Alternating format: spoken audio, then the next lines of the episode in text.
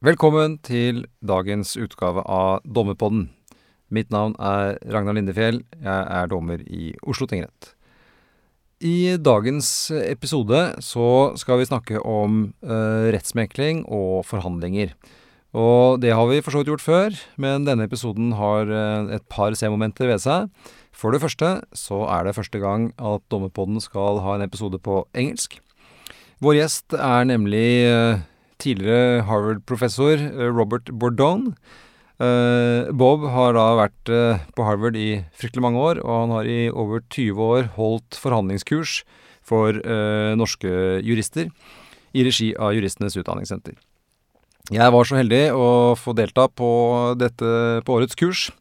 Uh, og da må jeg tilføye til de av våre lyttere som da er mine dommerkolleger, at uh, jeg var på dette kurset i egenskap av styremedlem i Juristenes Utdanningssenter, så ingen eh, domstolsbudsjetter ble belastet ved at jeg var der. Så vet dere det. Bob stilte velvillig opp på en Zoom-samtale med meg, og, og, hovedfokuset i denne samtalen, det er rettsmekling. Vi snakker litt om rettsmekling generelt. Vi snakker litt om forhandlinger, og hvorfor det er så vanskelig å gå fra posisjonsbaserte forhandlinger til interessebaserte og problemløsende forhandlinger. Vi snakker litt om utfordringer med advokater. Vi snakker litt om bruken av fellesmøter og særmøter. Vi snakker litt om kommunikasjon i, i mekling. Og til slutt så utveksler vi noen uh, lesetips. Um, jeg syns dette var en uh, veldig morsom samtale å ha med en veldig kunnskapsrik og artikulert uh, Harvard-fyr. Uh, håper dere også setter pris på den. Så vær så god, her kommer uh, mekling med Bobberdon. Du hører på Dommerpodden. Dommerpodden. Du hører på Dommerpodden. Again, uh, and now in English, welcome, dear listeners of our uh, excellent judging podcast, Dommerpodden. Um, today we have, uh, as I mentioned in the Norwegian introduction, a, uh, a very special guest. It's uh, Robert C. Bordone, or Bob, as I think you prefer to be called. Bob, welcome to the show. Yes, thank you. It's a great honor to be here. I'm so I'm so delighted. It's uh, it's mutual, uh, and um, and thank you again for our um, the great course that you held for uh, for use uh, in Sandefjord a few weeks back. I think that was a that's the so the reason why we're we're sitting here right now, and I think all of the participants thoroughly enjoyed and learned a lot from from that negotiation class. So, so thank you again, and and and much uh, recommended. Uh, well, you're very welcome. It's uh, teaching that class every year is really one of the highlights of my year, and I'm not just saying that to be nice, uh, but um, I always learn from um, working with Norwegian lawyers and judges and mediators and folks who work with unions, and so um, so I always come away learning and having a really good time. And it's also just really nice to be able to share some of the work and and material that uh, my colleagues and I over the years have developed um, at the Harvard Negotiation Project. And so um, so it was it was a, a wonderful time, and I look forward to to future visits. Great. Now, um, you've been a professor at Harvard Law for what, like twenty years almost, and and now you're a senior fellow. Is that right? Correct. Yeah, I um I taught full time at Harvard Law School for 21 years, um, which is hard to believe. And then in 2019, uh, started my own independent negotiation, mediation, and consensus building practice. Um, so I kind of have this title of senior fellow. Um, uh, but um, continue to uh, teach negotiation and mediation and consensus building. Um, this year, I'm actually um, uh, teaching a class at Georgetown Law School um, as a visitor there, um, which I also did last year, and which is a um, really, really fun. Georgetown students are wonderful, as are Harvard students. but often the Georgetown students come in with a lot more real life experience. Many of them have spent some time on Capitol Hill um, or working in various administrative aspects of the U.S. government. So um, they come a little more, I would say, worn, uh, war, war tattered um, with some stories, uh, but that makes the teaching really fun. Great, sounds excellent. Now, um, let's um, let's get right into it. I I wanted to focus on on the mediation uh, aspect of of your sort of negotiation teaching and your negotiation philosophy, uh, and there's a simple reason for that. This is a podcast for Norwegian judges, like principally, and uh, many of us do a lot of judicial uh, mediation. So, so we will obviously touch touch on negotiation and and different aspects of negotiation, but, sort of with a specific focus on mediation. Now, um, I did a mediation training in in Copenhagen a few years back, and and we had a lot of nice discussions and good questions asked of us. And one of them, and I wanted to ask you this as well, was what is your motivation to to mediate? Like how how is it that you enjoy and want to want to be a mediator? Uh, can we start with that? Sure. Yeah. yeah. I mean, I think um, you know, my experience in law school, I think, was a little jarring. Uh, I don't I don't know what I was expecting, but I think uh, somehow I always imagined myself um, more as a problem solver. And certainly lawyers help clients solve problems all the time. Um, but there was something about uh, the draw of mediation to me that felt more concretely along the lines of problem solving and reconciliation and um, um, and and that always had a real draw to me. I think um, another aspect of mediation that for me is really powerful um, is the possibility of restoring or reconciling relationships at times. Now that that doesn't happen so much in a standard commercial mediation. Um, parties often aren't even interested in that in a standard commercial commercial mediation. But there are all sorts of domains of mediation and, and probably the kinds of mediations that I find myself in more, um, where those possibilities are there. So, for example, um, a, let's say a, a, a, business that is going through a family succession challenge, um, or um, reconciling or working with uh, siblings and others dealing with um, the resolution of a big family estate um, where there's lots of sour or broken relationships as well as the kind of issues that are being mediated. And so so for me that was really part of the draw. I think the other thing i would just say in the us context and i imagine although don't know in the norwegian context is that mediation can just often be a much more efficient and cost effective way to resolve a conflict. Um, and uh, and so so those were the draws for me at least. Absolutely. Um, on those last on those last points, certainly um, cost cost effective and also time time efficiency uh, definitely helps here. Now the uh, in our judicial mediations, we I think we run the whole gamut from very little um, relational issues and very little focus on reconciliation to the complete opposite. So, for example, mm. in in uh, in family law, uh, you know, uh, custody disputes and, and things like that, uh, the potential of, at least is there, and the reconciliation aspect was in fact uh, highlighted when they when this the mediation uh, rules were were came into came into force in or the mid 2000 2005 ish, and. Mm -hmm. um, and we actually have some some empirical research on it, and it turns out it's not very effective in terms of reconciliation, the judicial mediation. I think there can be many reasons for that, but um, but judicial mediation tends, at least empirically, as far as we know, not really to lend itself to to conciliation as such. But uh, but it's it's an ambition nevertheless. Yeah, and it's not surprising. I think the kinds of things that would kind of land themselves in a judicial mediation probably are less likely to uh, be asking for um, a reconciliation or a relational restoration.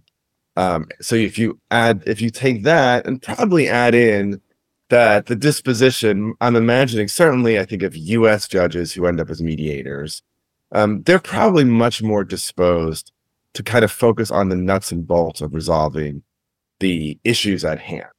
Um, and in fact, that's when most parties really want in the mediation. And, and I think particularly in the court connected or judicial mediation. So so those those empirical results aren't surprising to me.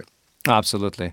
Uh, and in addition to that, you also have, you know, you have a dispute that is already highly polarized. That's why they're in court, and and they also right. have, you know, legal counsel who are uh, can be helpful or less helpful uh, from as the case may be, obviously. And and as you say, you know, we're judges. We're not we're not psychologists or therapists, and and we need to do the things that we do best.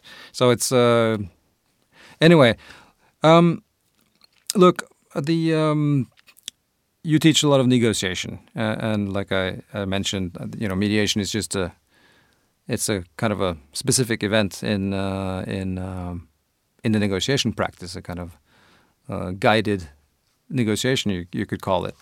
Um, when we were uh, at this course together, you you um, you talked about negotiations and how those often work and and not work, and and I I thought that was a that was sort of an, a very interesting analysis of what we what we very often do in negotiations and, and why they break down and how we kind of get caught in the in the zero sum game um, of haggling. Why don't you um, could you briefly just outline that that for me again? Sure. Yeah. I mean, you know, one of one of the challenges of teaching a topic like negotiation that is really different than many legal topics, right? Um, if you think about whether it's criminal law or you know corporate transactions or or ethics or evidence uh you know most most law students coming in hopefully right don't have a lot of experience like they hopefully do not have a lot of experience in the criminal law they know nothing about it um, that is not the case with negotiation um, anyone you're teaching you walk into a room they have a lifetime of experience in negotiation uh, because negotiation is any effort that you might make to influence or persuade anyone. And, and if you define it in those terms, negotiations are really pervasive. And um, and I think one of the challenges is that people come in with a whole set of assumptions about what this task looks like and what best practices might be. And I think those assumptions are often quite limiting. So, one of the things you mentioned, right, is this zero sum mindset the idea that anything I get is something you lose, and that negotiations are mostly and primarily competitive and distributive. And um, that kind of zero sum gremlin that we get from movies, we get from just, you know, watching maybe our parents haggle over the purchase of a car or over a cable bill. Um, that assumption is really uh, wrong. Um, it's it's untrue because from a an analytic perspective, almost every negotiation has some opportunities where parties can actually do better for themselves, and so so that's one I think really unhelpful assumption.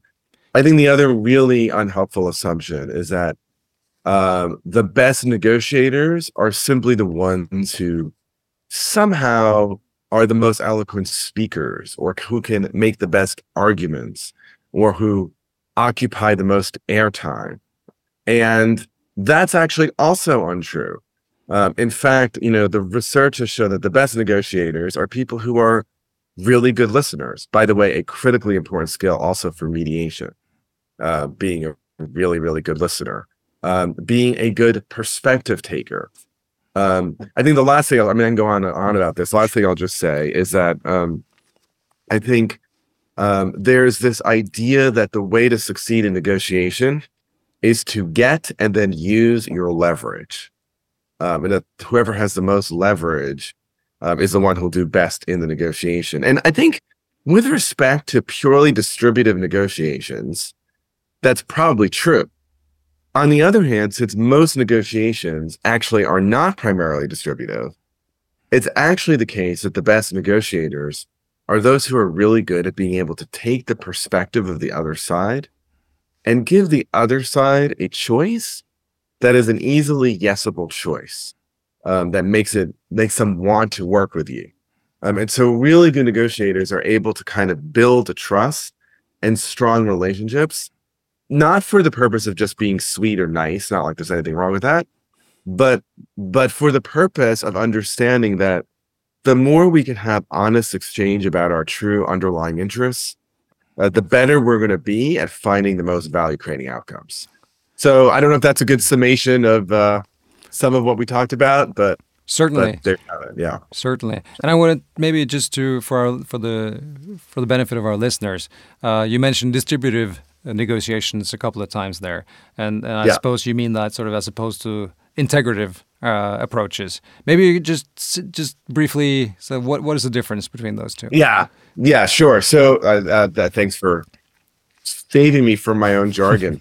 uh, uh, yeah, so distributed negotiation um, is really a negotiation where we're dividing something fixed, and so anything I get is something you lose, and vice versa. So, if if we have, you know, uh, let's just say, uh, you know, three oranges, and we just have to divide the oranges between the two of us and there's no other issues we can bring in at all um and we can't even cut the oranges in half right? So we're literally dividing this thing where there's no opportunity to create any value and that's what we mean by distributive. Right.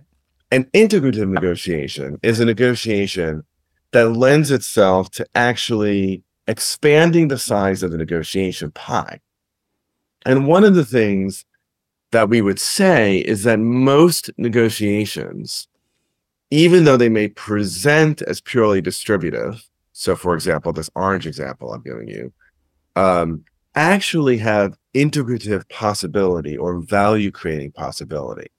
So just to kind of take this simple example, right? If we if we remove the restriction that the only thing you could do is divide these things wholly, and just say you have to divide the three oranges, we may discover, for example, that um, you really like orange juice, and that I'm going to be uh, doing some baking where I could use the the peel uh, for the zest in the cakes that I'm baking. Well, now suddenly, this is not a purely distributive negotiation. It's actually a value creating one. Or we might add something in there like time. So, for example, it might be the case that uh, you're extremely hungry and you haven't eaten since yesterday. Um, but later tonight, you're going to get a whole barrel of oranges. It may make sense for me to give you all three oranges right now because I'm actually not that hungry.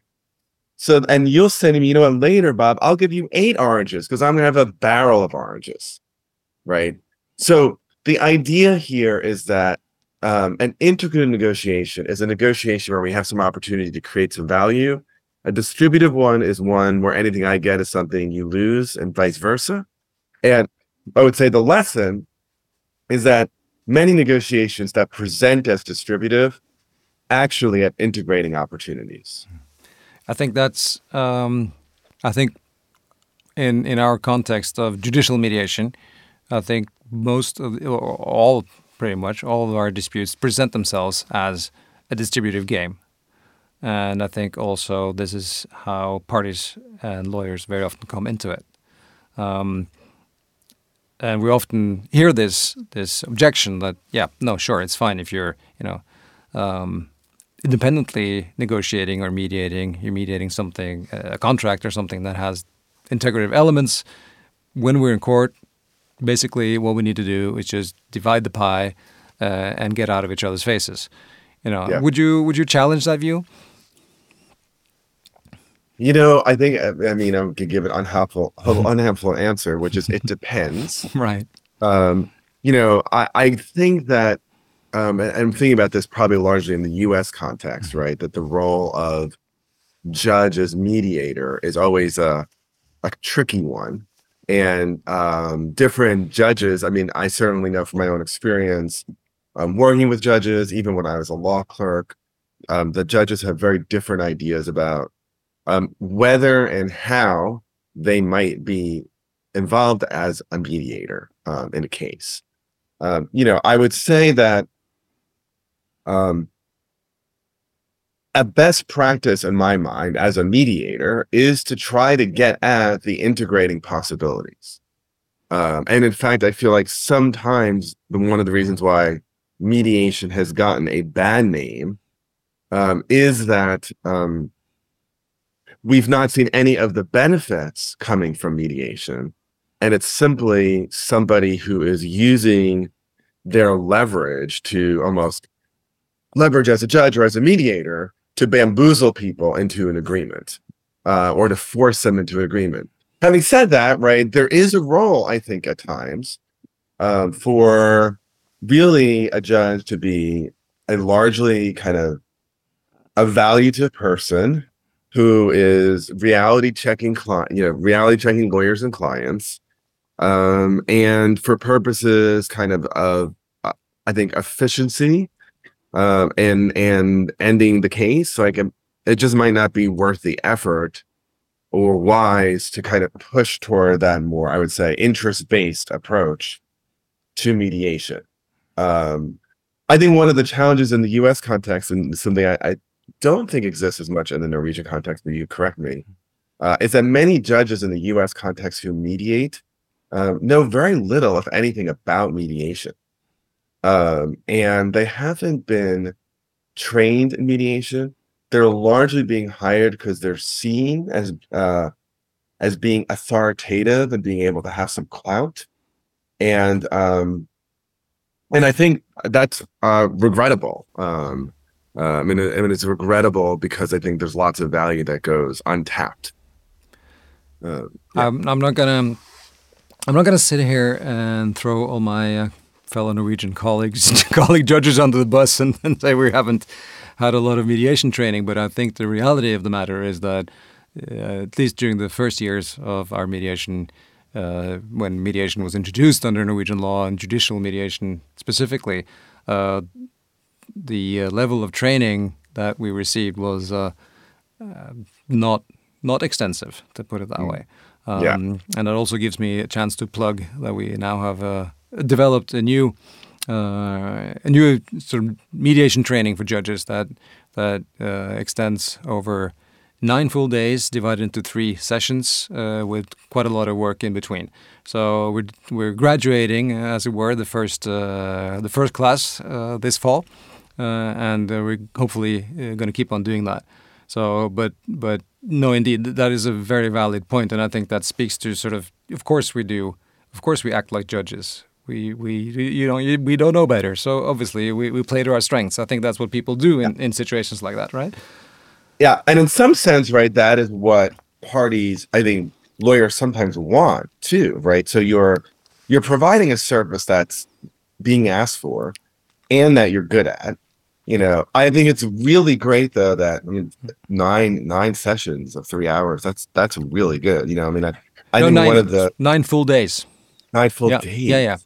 Wow. Yeah, it's so that uh, is fantastic. That is very good. And uh, because what I would say is that even if at any individual time a judge may decide kind of not to move into what I would call a more interest-based approach, right? Um, having that skill set and having that capacity and um, is incredibly useful and helpful for a judge uh, who's mediating. Also, and you know, I think yeah. I think one of the advantages I think about through the years, judges who've taken the negotiation class I've taught at Hughes or the exec ed programs um, at Harvard Law School, right? It's just getting that kind of deep background and principle that integrative negotiation ends up proving to be very useful and transferable into the mediation context. And, uh, and if you actually take the uh, the trouble to going into the sources, you will see that under the Norwegian Disputes Act, it actually says that the mediator shall seek to uncover the parties' interests in the matter. Now, uh-huh. and here we touch upon something you said, like interests versus you know, what we normally would talk about as positions. So the position is, I want you to pay me a million dollars. Um, but it says that we're supposed to uncover a party's interests. Now, what are those? What is what is the difference between positions and interests? Yeah, this is. Uh, I mean, I'm so glad you asked this question because I think that in our field, we bandy about this word interest, or we say focus on interests, not positions. And, you know, it sounds like it makes it into legislation, even, right? And yet, I think that very little attention is actually paid to the difference or how to get at the difference. So, in the simplest term, right, an interest is kind of the underlying need, concern, or goal, or desire, or fear that's that's motivating or animating a particular position. So a position is a kind of specific articulation of an underlying set of interests. Um, and I think what, what I have often experienced is that people are incredibly bad at moving from positions to interests. Um, so maybe the one time say, you know, someone says, I would like to have a million dollars. They'll say once, well, why do you want a million dollars? And then they'll say, well, you know, because I want to be re- recompensed. And then they nod their head and move on. And they say, oh, the interest is to be recompensed. Yeah. Uh, true. But there's usually a lot more there, right? And so getting to the deeper understanding of interest actually takes a lot of persistence. So you want to be recompensed. And and what else is important to you? A, B, C, D, and E. Well, tell me more about E, right? All of that is getting at the most nuanced level of the interest because the more nuanced I can get, the more opportunities that's going to give me to be creative about what solutions might look like. And the more helpful it's going to be to me when we're working on some kind of solution and it doesn't seem to be like someone's not taking to it, right? If I could track back and say, I could either say they're difficult, right? But if I've done a really good job at getting at their interests, I actually have a sense that they're not being difficult. It's that there's this particular interest that still isn't being met by this. Um, and so, so you know that one liner in that statute. Uh, I mean, you know that could be a, maybe that is one of the nine days of the training you're doing. Uh, it could well, yes, absolutely, Yeah. absolutely. Do you have Yeah. like do you, do you have an experience or an, an example from your own practice that that sort of illustrates the difference? Mm. Uh, like from my actual uh, real life, you mean? Sure. Or, Yeah. Or Yeah. or some doesn't have to be yours in particular. Yeah, But- yeah, yeah, yeah. I mean, I could, you know, I'll give you a. This is actually one involving involving a, a judge mediating, um, a long time ago, and um, and when I, in fact, it was so long ago, I was a law clerk, so I was uh allowed to sit in on some mediations, uh, largely because I was already at that point interested in mediation, and so this was um a judge who was not the judge for my clerk. Um, but you know law clerks uh, basically are you know they are to be seen but not heard. Um, so you sit there quietly. And we're in uh, uh, the, mountain controversy was i would say about eight million dollars. So substantial. But at some point in this mediation this is a private caucus between the judge the plaintiff and the lawyer for the plaintiff. And the judge says uh, you know how much will it take to make this go away and uh, the plaintiff says, you know, I mean, this is partially about the money and it's partially about just good business. Like I was, I was treated unprofessionally and, you know, there should be some kind of apology or recognition of that. And the plaintiff's lawyer interrupted and said, well, the judge asked you for an amount.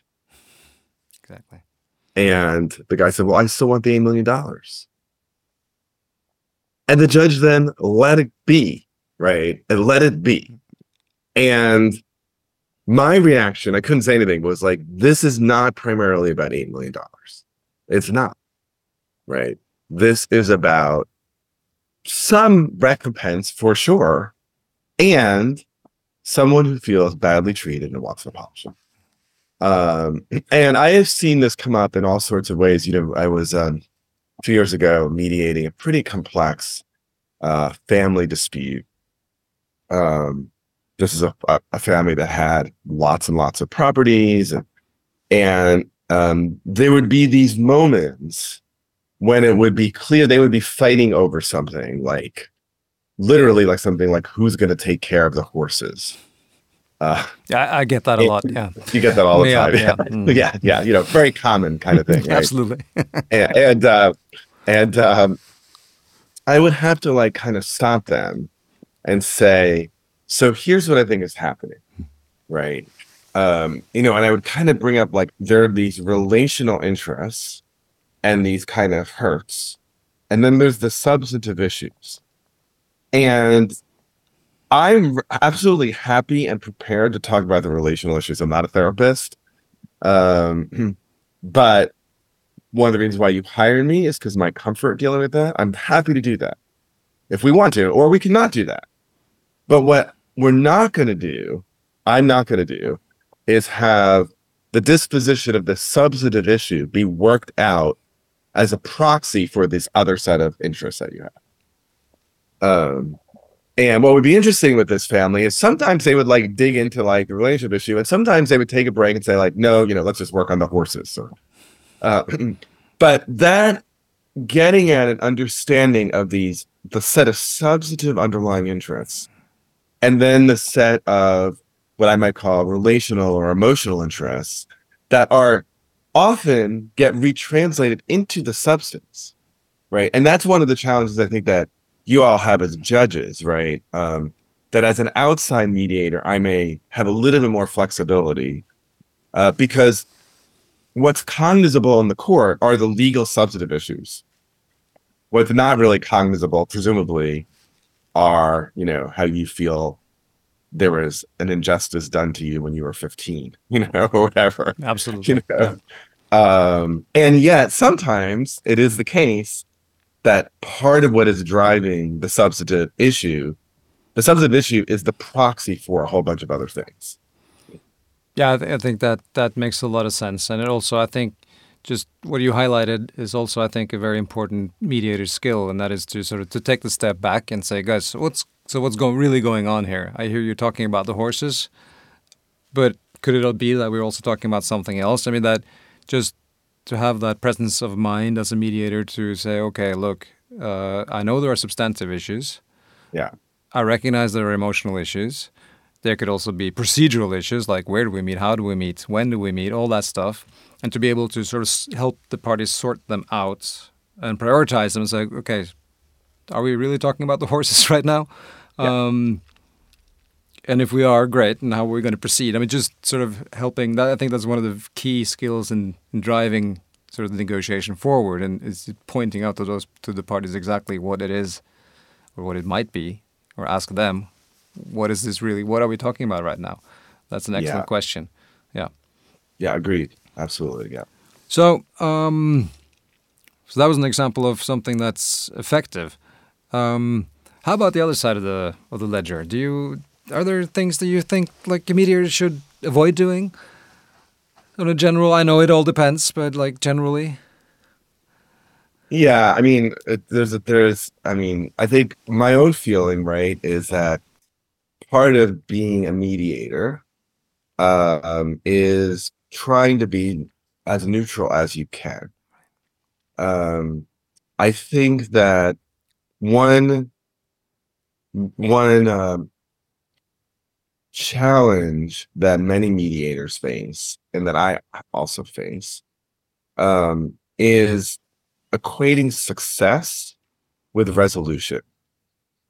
Um, the reason why I think that's a, a challenge is that it can, if that's how you think of success, it opens up, I think, a Pandora's box of uh, possible behaviors where you really may be um, applying too much pressure or leverage to get a party to accede.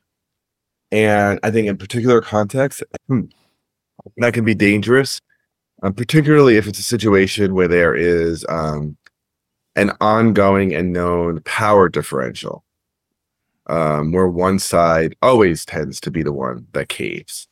So I think being attentive to that um, is really important.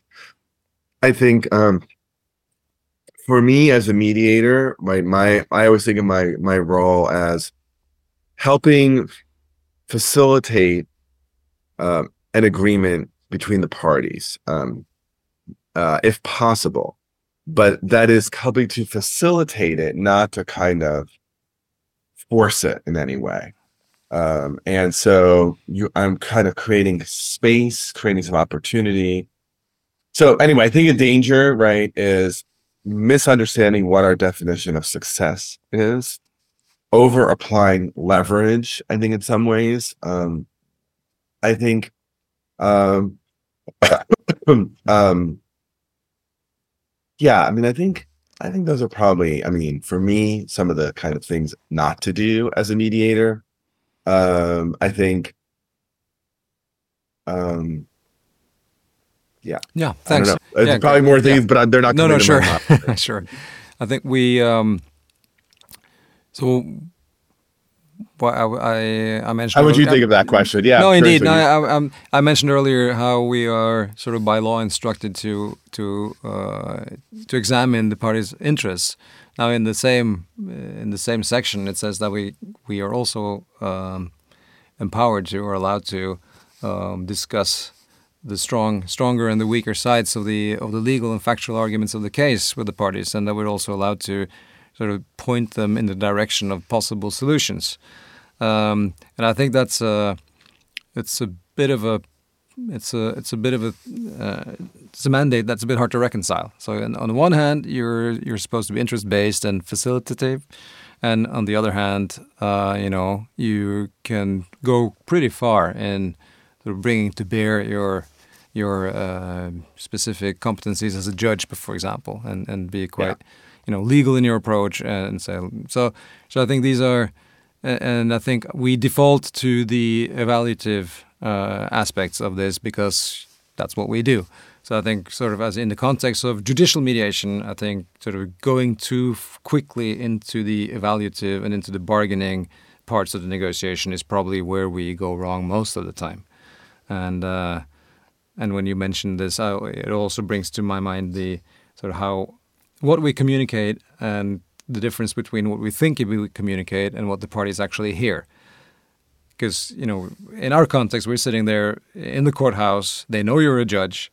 You have lawyers with you, and that's going to color how they perceive the way you communicate, both verbally and non-verbally.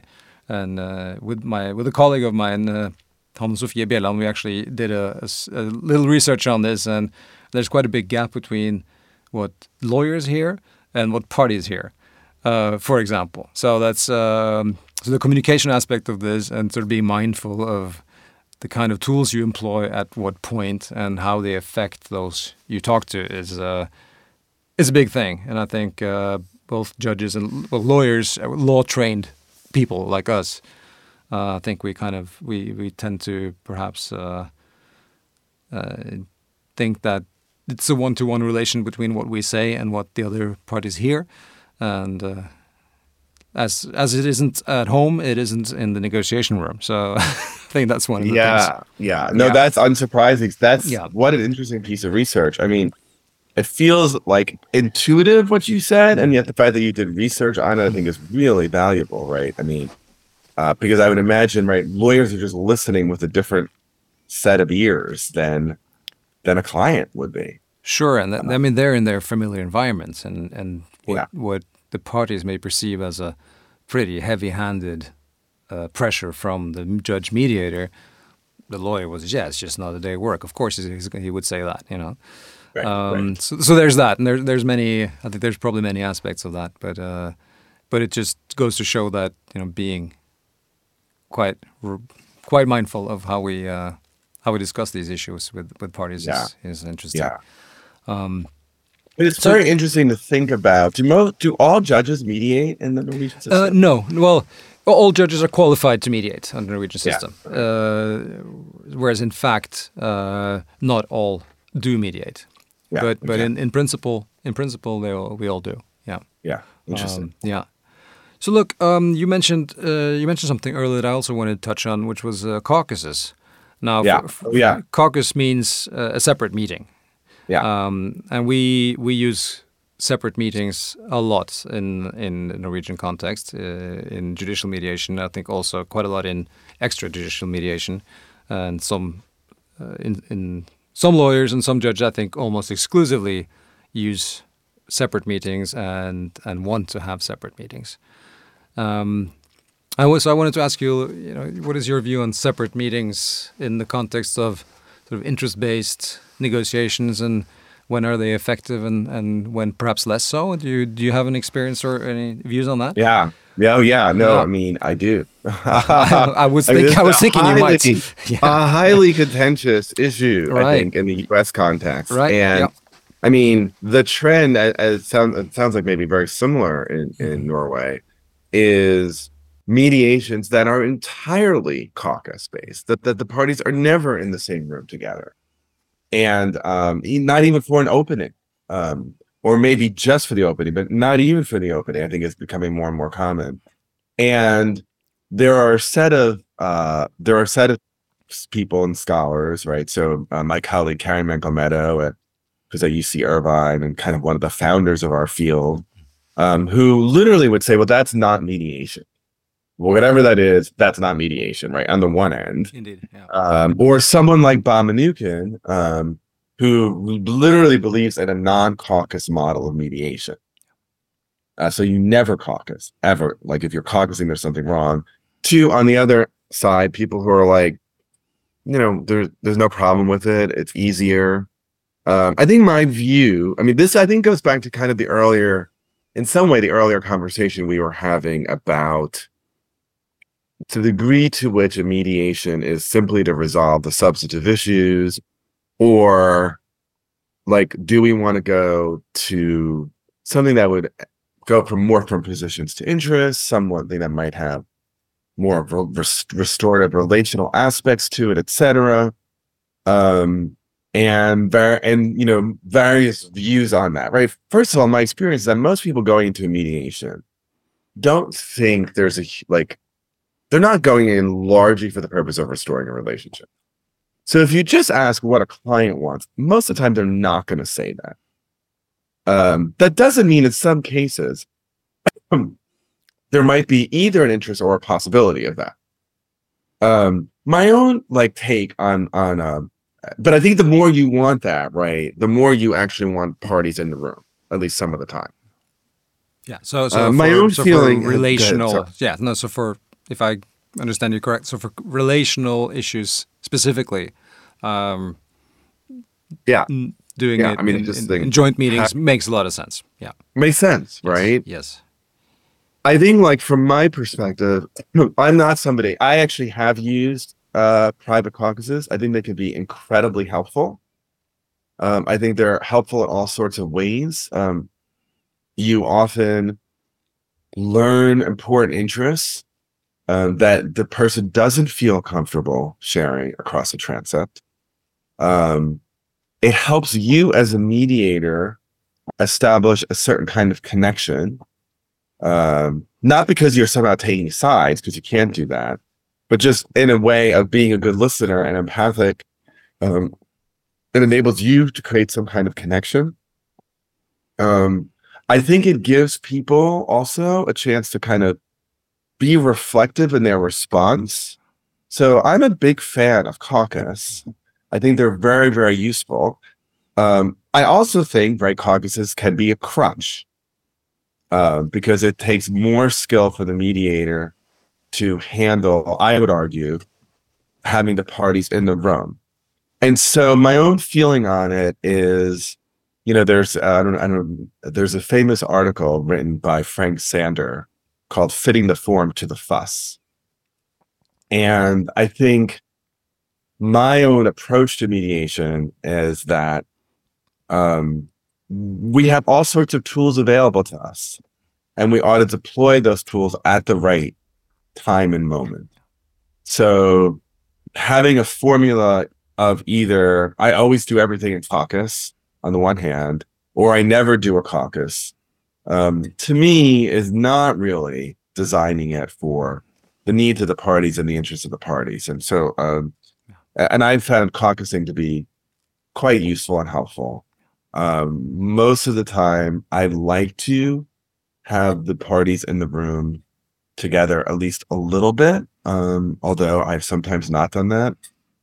Yeah, and you know, I think this has also shifted a lot when it's come to you know in the kind of post-COVID world of mediations being done on Zoom and um, but uh, but it's uh it's become quite a, a big topic in the U.S. because the percentage of mediations that are completely caucus has gone up enormously, and in fact, there are more and more mediators who really only do mediations that way.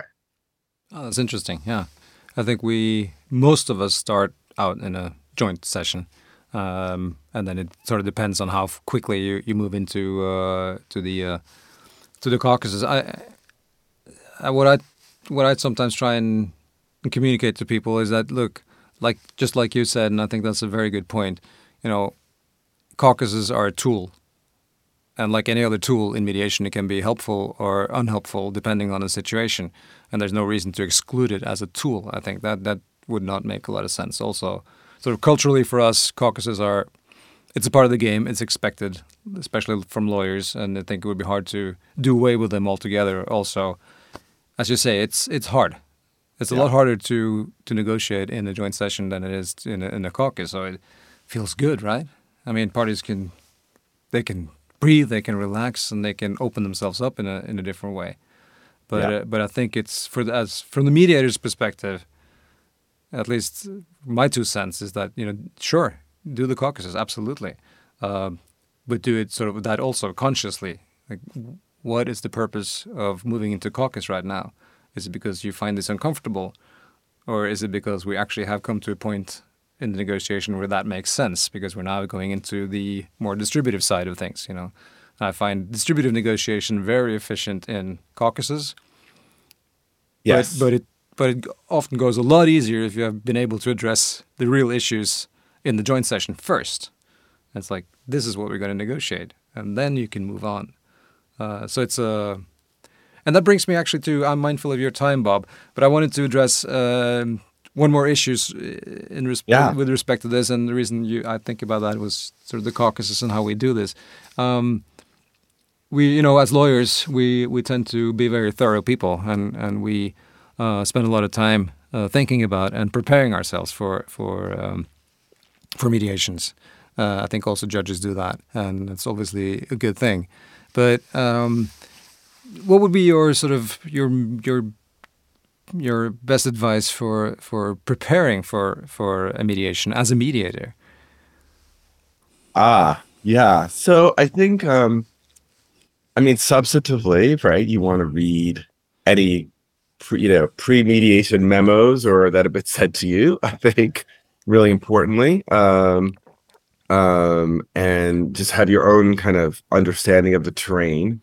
Um, you know, I think for me, right, to the degree that there's going to be lawyers there, um, anything I could do about understanding what they're like. I mean, of course, as a judge, maybe I already know that. Um, I think the other prep is more around mindset.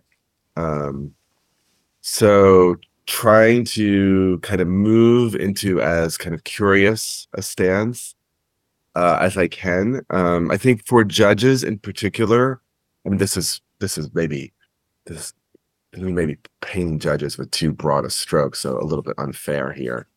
But oh, give it a go. because the expertise right is to be directive i mean that's what judges do right they they you know make decisions i think any kind of self work that i could do in advance to kind of hold that part of me off in the early parts of that mediation um i think would be you know useful and helpful um so i i, I mean maybe that's not Yeah. super sophisticated but th- th- those are the kind of tips i would give Yeah, no, perhaps not, but it's uh, I think still something that we neglect to do quite a lot, especially that last bit. Uh, like, what are my natural tendencies, uh, and if they are not helpful, how can I, you know, work to counteract them? And I think, as you said, we're we're judges. We are. So you look at you look at stuff from a legal point of view, and you want to be efficient. Yep. So you know that that sort of curiosity and just a little bit of patience, and maybe let let these people just talk. And it's at the end of the day, you're going to finish a lot earlier than if you just interrupted them the whole time with, for example, hey, so is this really relevant, Bob? You know, seriously, we're in a legal context here. That that kind of thing. Uh, Um, that's I find that just give them a little space to breathe first, uh, and things work out uh, a lot easier often. I think that's totally right, right? And I and you get the instinct of why you'd want to interrupt. At the same time, I think there could be a huge value, whether for the lawyer or for the client hearing the lawyer, right? Sure. Do that. Yeah. That feels really important. Absolutely. Um, Bob, what did we miss? What are the I mean- uh, are there like what are the if you if you wanted to do a little ranking exercise like what are the what are the three three things that you should work on in order to become a good mediator? Yeah, I mean, if you're asking me, like, what are what do I think are like the most important skills of Mhm. mediation? Um, you know, number one, um, is listening. Um, this is also true for negotiation. Uh, just um, yeah, listening. I think the um, the second I think is um, just really um, how do I say this? Designing and managing the process um, of the mediation. So managing expectations of parties about what your role is, what they can expect. Um, I think is really important, um, especially for clients who, you know, may never have done this before. Um, and um, and then, gosh, what would the third be? Um, I mean, you could see that I, I tend to have like kind of a um an internal approach to all of this. Um, so I think the third one, I, I mean, there's many things I could say, but I think the thing I want to say um, is self-reflection. I think that, uh, and maybe this is maybe this is just coming off of what you just said about you know being efficient and um, you know lawyers are efficient, judges are efficient there's a way in which you finish and you're like on to the next matter. But my own experience, and this is something I really learned from, I would say, Roger Fisher, um, who founded the negotiation project at Harvard, um, is that like really good mediators and really good negotiators always build in some time for review, self review. Like, what did I do there? Like, why did that go well? Why did that settle? At a micro level, what did I do? Or why didn't it go well? What could I have done differently? Um, and and I think um, that self-reflective piece um, helps you improve over time. Helps you kind of hone your skills over time, and um, I think that could often be missing from our lives of very busy practice where we're barely trying to stay afloat. Do you sometimes uh, do you, do you sometimes do a sort of post mortem with with, for example, lawyers or other representatives in your in your mediations? Have you ever done that? Like after a negoti- after a mediation, have you sort of been in touch? It's like, Yeah, guys, uh, guys, how did that? How did this go? Yeah, it's interesting. Occasionally, but not as much as I should. Do you find it Um, helpful? The few, the, I think uh, it ha- the times I've done it, uh, it hasn't been helpful. I mean, maybe not as help. I mean, as, as much as I'm saying it's a good idea, I Hmm. feel like it's maybe actually not actually that but not helpful. Ah. Uh, but a little bit. I mean, I've done this more in situations where I've had like a mediation that's gone on for quite a long period of time. Um, so I'm thinking of a few situations where I actually did feel like I got to know the parties uh, uh pretty well. Um, I think it's a great idea to do though, um, in a more and you know, in a more formal way, um, to get feedback. You know, um, and even if the feedback, I mean, lots of times when you ask for feedback, um, it is not always helpful because it's very vague. Yeah. But sometimes it is helpful, and sometimes you start to see patterns and blind spots that you wouldn't see, and so that that is valuable. And I could add to that, uh, of course, doing uh, doing some mediation training, and like for example, at, at your class in uh, that we did in Sandefjord, we did a lot of role playing and exercises, uh, and then you get feedback from your your fellow students and from from from the faculty, and that's uh, that's also something that really helps you sort of grow and and uh, reflect more as a mediator. So I could I would add to that just to to sort of do a little commercial. Yeah, yeah. Well, thank you. I mean, I think one of the advantages of taking a course, right, is that opportunity to get feedback in a kind of low stakes situation where you are doing simulations, where there is built in time for the feedback, where there is some structure about how to give the feedback. You know, and one of the things that, you know, I mean, I- my colleague Dan, with whom I worked, and I, every night we spend time giving each other feedback. And we also have had a meeting since the course giving each other feedback. And of course, we received the feedback from the course, you know, Exactly. too. And um, and that is helpful, right? Because you're looking for you're looking for kind of trends um, um, to make you, you know, just to improve. Bob, thank you so much. I think we're uh, closing in on our on the one hour mark, and like I said, I'm mindful of your time. I want to I want to thank you for for taking time out of your busy schedule to uh, to talk to us. Um, we will do a feedback session, obviously, after this, and uh, Uh, yeah, right, right. Of course, of course. so um, before we go, is there um, for our listeners if they want to read one book, two books about um, about mediation? I'm going to steal this from Ezra Klein. Are there any um, are Oh there any books you would recommend to our yes, audience? Yeah. As I, I did. I mean, I'm not sure. I, I'm not sure. I gave this so much thought. I know I didn't prepare you for this. Uh, obviously, I mean, I, I can kick you off. I mean, you mentioned Roger Fisher there, and obviously the sort of the immortal classic "Getting to Yes." He's one of the co-authors. And if you want to get a glimpse of the sort of Harvard method, it's a 40 what 40ish year old book now, but it's Yeah, it's still good. yeah. But it's still yeah, good. It's still good. Um, it's still good. Yeah. I mean, if you have not read that book, I strongly recommend it.